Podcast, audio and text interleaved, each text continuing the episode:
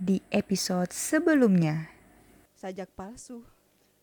Ternyata bukan hanya alamat saja yang palsu. Jadi kalau ditotalkan ada 46 puisi. Be. Kenapa sih nulis puisi kayak gitu? Galau ya? Enggak kok, kok cuma nulis. Jackpot, putar dulu podcastnya.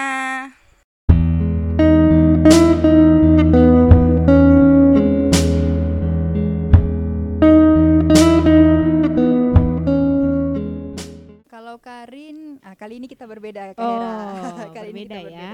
Heeh. Harus dengan apa Karin membaca puisi ini? Apakah menjemput bayang atau menjemput ayang? Nah, iya ya. Saya ingat sekali dalam tanda kurung kan Iya, iya. B-nya. Mm-mm, Dalam tanda mm-mm. kurung huruf B. Jadi apakah menjemput bayang atau menjemput ayang? Mhm. Iya, betul. Salah satu puisi judul yang ini unik. Tapi uh, alasan kenapa Karin kemudian memilih ini dari uh, beberapa puisi yang ditulis oleh Purnama SP adalah karena Karin apakah boleh Karin sebut jatuh cinta? Boleh dong. Jadi karena Boleh Karin dong. uh, jatuh cinta dengan bait ketiganya. Yang mana? Perjalanan masih panjang, aman selalu penuh tanda tanya. Ini tanah orang, aku tidak mau sendiri dalam perjuangan. Ini jadi di bait yang ini Karin menangkapnya oh berarti sedang dalam eh, apa merantau ya dalam fase merantau dia Mm-mm, sedang di tanah orang dan dia nggak mau sendiri gitu dalam berjuang Mhm. dan ya kenapa Karin memilih ini karena ini juga sebenarnya apa yang sedang Karin rasakan gitu. Oh. Maksudnya maksudnya Mhm. bukan gini, maksudnya bukan butuh seseorang atau apa Iya, gitu bukan, iya. tapi Iya. ketika dalam perjalanan kita, dalam perjuangan kita Mm-mm. pada akhirnya kita semandiri apa pun gitu loh. Kita tetap harus memiliki eh, kekuatan dari yang ada di luar diri kita dan kenapa Karin memilih itu ya karena Karin memang sedang ada dalam fase ini gitu sih. Iya, iya. Lagi-lagi subjektif sih Iya, pilihan tidak Karin, apa-apa. ya. Tidak apa-apa, Rin. Maksudnya memang puisi itu akan masing-masing berbeda kan? Akan Hmm. masing-masing berbeda penafsirannya begitu. Dan penafsiran itu bisa datang dari minimal apa yang sedang kita rasakan ketika membaca puisi itu. Iya, Iya, dan benar. itu tidak salah. Jadi penilaian puisi kalau menurut saya begitu menurut Hera memang tidak harus dan tidak perlu objektif juga begitu.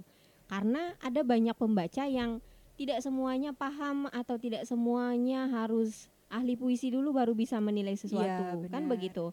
Jadi ketika mereka bisa dan suka dengan puisi, akhirnya mereka berani atau me- eh, memberikan pendapatnya, oh menurut saya puisi ini tentang ini itu sudah bagus gitu. Itu sih kalau menurut ini Jadi menurut Hera. eh, Mm-mm. yang Karin tangkap juga apakah menjemput bayang atau menjemput ayang? Apakah ayang ini adalah seorang eh, apa sesuatu yang berbayang gitu kan? Yes. Hanya hanya bayangan maksudnya. Iya, hanya Berharap menjadi nyata tapi hanya bayangan begitu ya. gitu kan.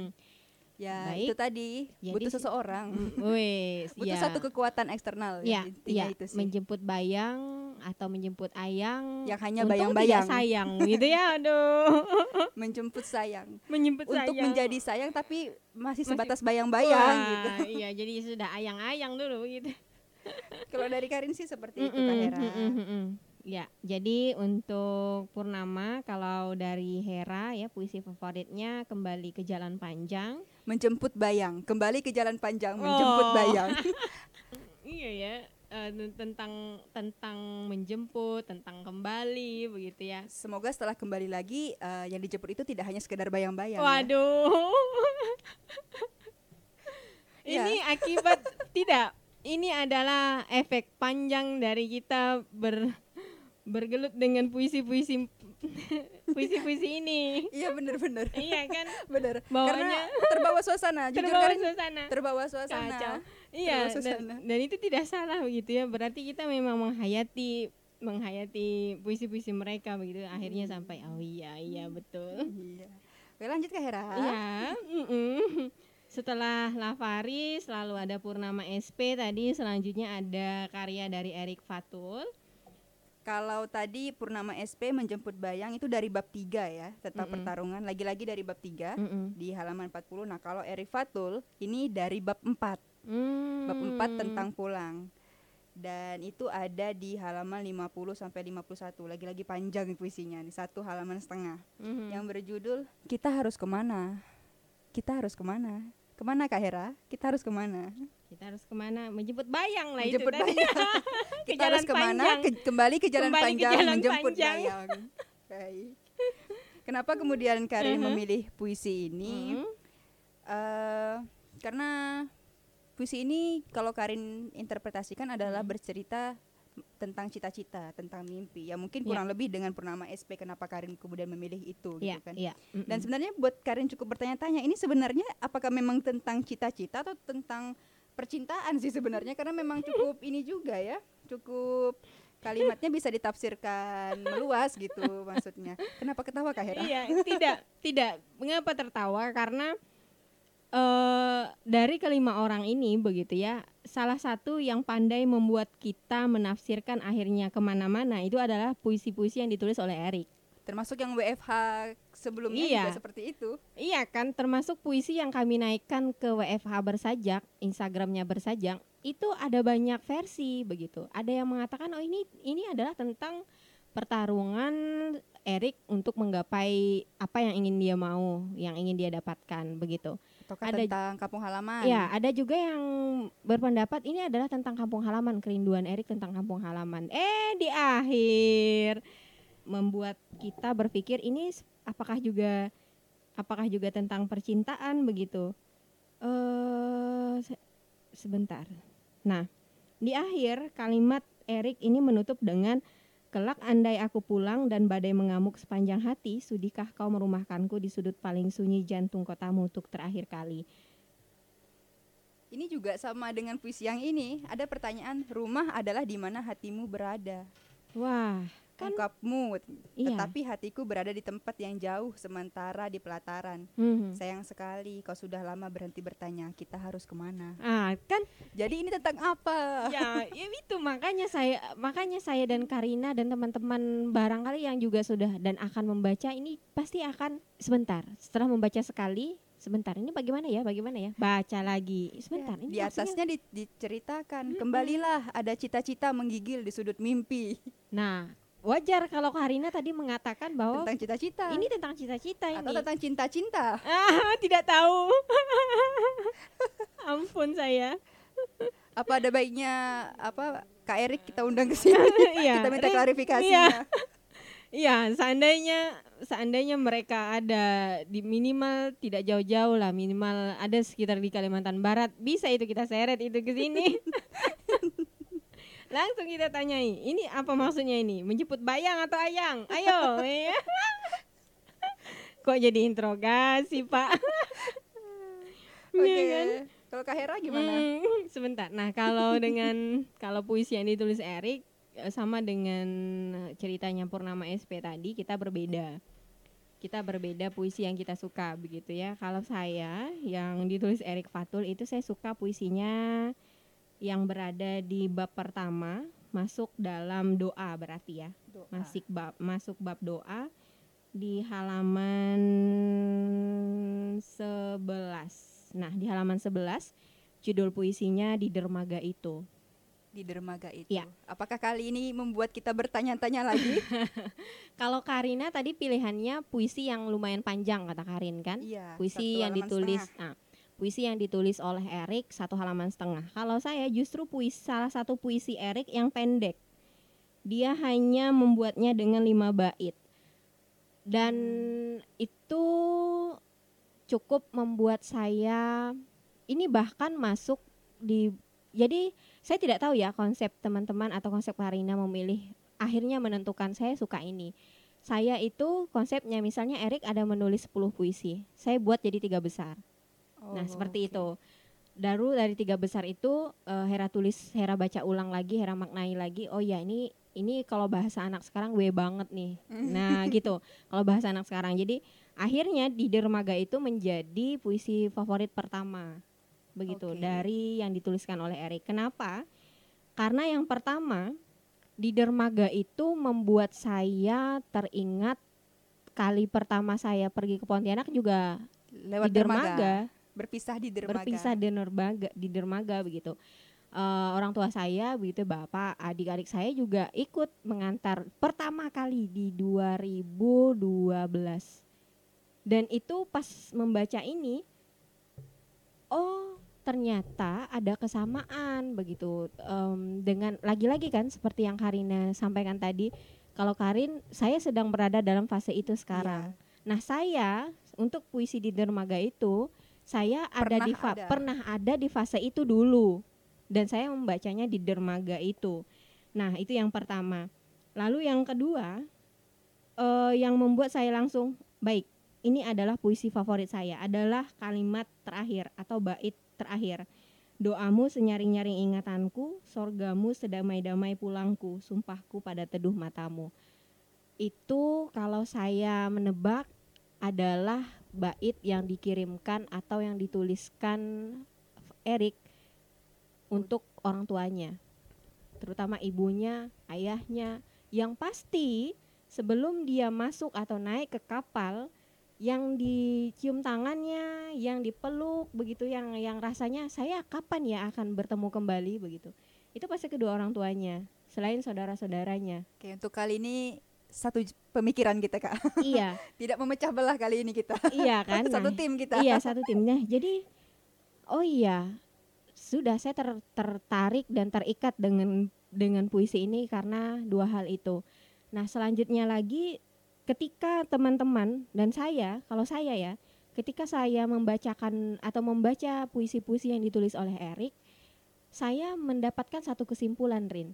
Hera mendapatkan satu kesimpulan Apa bahwa salah satu kekuatan dari Erik menulis puisi adalah dia selalu bisa meramu atau dia selalu bisa mengemas kalimat-kalimat akhir yang membuat kita oh iya gitu. Jadi dia tidak menulis atau dia bukan tipe yang menulis puisi kalimat yang menariknya dia simpan di awal tidak, Hmm, tapi dia selalu membuatnya di penutup. Best for last. Nah, begitu. Dan itu yang membuat saya akhirnya kita sebagai pembaca ketika sudah tahu polanya khususnya yang di buku ini ya. Apa ya? Terakhirnya dia dia tutup dengan apa ya? Dan plot twist ya. Nah, iya. plot twist yang nggak Mm-mm. nyangka gitu. Awalnya Yang apa? Awalnya eh, gitu kan. apa? Lalu eh, akhirnya bagaimana? Tapi tidak mengurangi indahnya Betul betul betul. Setuju. dan tetap nyambung. Benar. Itu uniknya. Dia bisa membahas apa ya? Misalnya dari awal oh sepertinya ini tema A, sok-sokan kan kita sebagai pembaca iya. kan. Sepertinya ini dia membahas tentang eh, perjuangan meraih mimpi atau harapan dia itu. Eh pas di tengah-tengah oh tidak tidak ini. Ini sepertinya ini tentang kampung halaman. Tentang kampung halaman ini, kerinduan tentang kampung halaman. Di akhirnya Pas di akhirnya eh tidak ini bisa jadi ini tentang kerinduannya pada seseorang ya. ya. Ini bagaimana itu? Tapi ya itu kekuatannya Erik begitu di puisi-puisi dia. Nah, selanjutnya ya udah kalau saya tiga pendapat itu ya yang bisa saya sampaikan mengapa akhirnya dari seluruh puisi Erik yang ditulis di sini saya menyukai di dermaga itu. Oke. Ya. Lanjut ke penulis yang keempat. Ada Diah Anindiah Said. Mm-mm. Dia Anindya Said. Kalau dari Karin, Karin memilih puisi yang berjudul Selipan Pesan Tahun Ini. Ini ada di bab 2 tentang perjalanan halaman 23. Nah, untuk puisi yang satu ini mungkin ini yang dikatakan orang bahwa cinta itu nggak butuh alasan. berat. Karena- ya. Karena jujur ketika pertama kali membaca puisi ini, Karin suka. Cuman Karin bingung, kenapa ya Karin suka gitu. Oh, Karin su- dalam. Karin suka nih. Tapi kenapa ya? Iya, iya, iya, Karin iya, baca paham. lagi. Mm-mm, mm-mm, mm-mm. Apakah karena ke kalimat awalnya yang Mm-mm. langsung apa mencuri perhatian Karin yang Mm-mm. ber- yang ditulis dibilang banyak yang berubah tahun ini karena Karin juga cukup uh, sensitif ya dengan Mm-mm. tahun 2020 juga Mm-mm. uh, penuh dengan ya drama lah gitu. Jadi Mm-mm. apakah itu yang membuat Karin langsung tertarik Iya. ataukah di kalimat terakhirnya suatu saat akan kau temui rasaku di larik ini. Jadi sampai sekarang kan juga masih bertanya-tanya sebenarnya ketika Karin merekam podcast ini kenapa? Kenapa Karin suka sama puisi ini gitu? Jatuh cinta nggak butuh alasan tapi uh, logika Karin nggak terima nih. Wow. logika Karin masih nggak terima kenapa Karin nggak ada alasan gitu. Hebat betul kan penulis-penulis muda ini begitu. Mereka bisa membuat seseorang Mengalami konflik batin mem- sendiri. me- mengalami konflik batin dan mempertentangkan logika dan hatinya sendiri. Sudah saya sampaikan. Dan ketika Karin baca, Karin baca, Iya. Karin baca lagi. Iya. Loh, ini puisinya tentang orang yang ditinggal nikah. Kok Karin suka gitu? Kok Karin Iya. suka gitu? Apa ya ini? Karena di Iya kan? Aduh. bait eh, ketiganya ditulis kemudian kau menjelma jadi puisi dalam segenggam haru menuju altar. Aku melambai diiringi air mata mengering. Kau basuh dengan senyum terselubung doa. Selamat dan selanjutnya dan selanjutnya. Dan Iya, ketika itu. Karin menyadari itu Karin langsung kaget. Hah? Puisi tentang dia tinggal nikah. Kok Karin suka gitu? Apa yang terjadi? Tidak tidak selamanya atau tidak semuanya hal-hal yang ada di dunia ini perlu penjelasan dan itu sudah dialami oleh Karina Dan iya bingung. Jadi Karin berkesimpulan, oh ini yang dinamakan cinta nggak butuh alasan. Be. gitu. Walaupun sampai sekarang logika Karin nggak terima, ya, Iya, itu tetap butuh iya, alasan gitu. iya, tolong Apa tapi ya perhatian kepada saudari Diah Anindya Said ini bertanggung jawab ini terhadap salah satu pembaca Anda yang dia tidak terima bahkan ketika dia sedang berbicara begitu. Tolong ya dikondisikan ini. bagaimana bisa gitu? Hmm. Hera juga Hera tadi menunggu apa yang membuat Karina suka alasannya apa dia Karin sudah mem- tahu. dia sudah membukanya dengan mulus Karin tidak ini tahu adalah tipe-tipe cinta tidak perlu alasan haduh Dan sampai ke- sampai sekarang Karin masih bertanya ini alasannya apa? Iya ya tidak tidak apa-apa pujangga ketika menyukai puisi pun pasti ada fase itu ya pokoknya saya suka gitu kenapa ya tidak ada kenapa kenapa saya suka ya sudah kan Ketika Cukup. memilih puisi Lavaris itu karena selera Karin. Kemudian ya ketika puisinya Purnama atau Erik itu karena memang mungkin sedang ada di fase itu Mm-mm. gitu kan. Tapi ketika puisinya dia apa? apa kenapa? Karena tidak Tidak pernah mengalami saya. fase ini, tidak eh belum juga mengalami fase ini. Mm-mm. Dan, apa gitu? iya ya, ya sudah tidak apa-apa lah begitu ya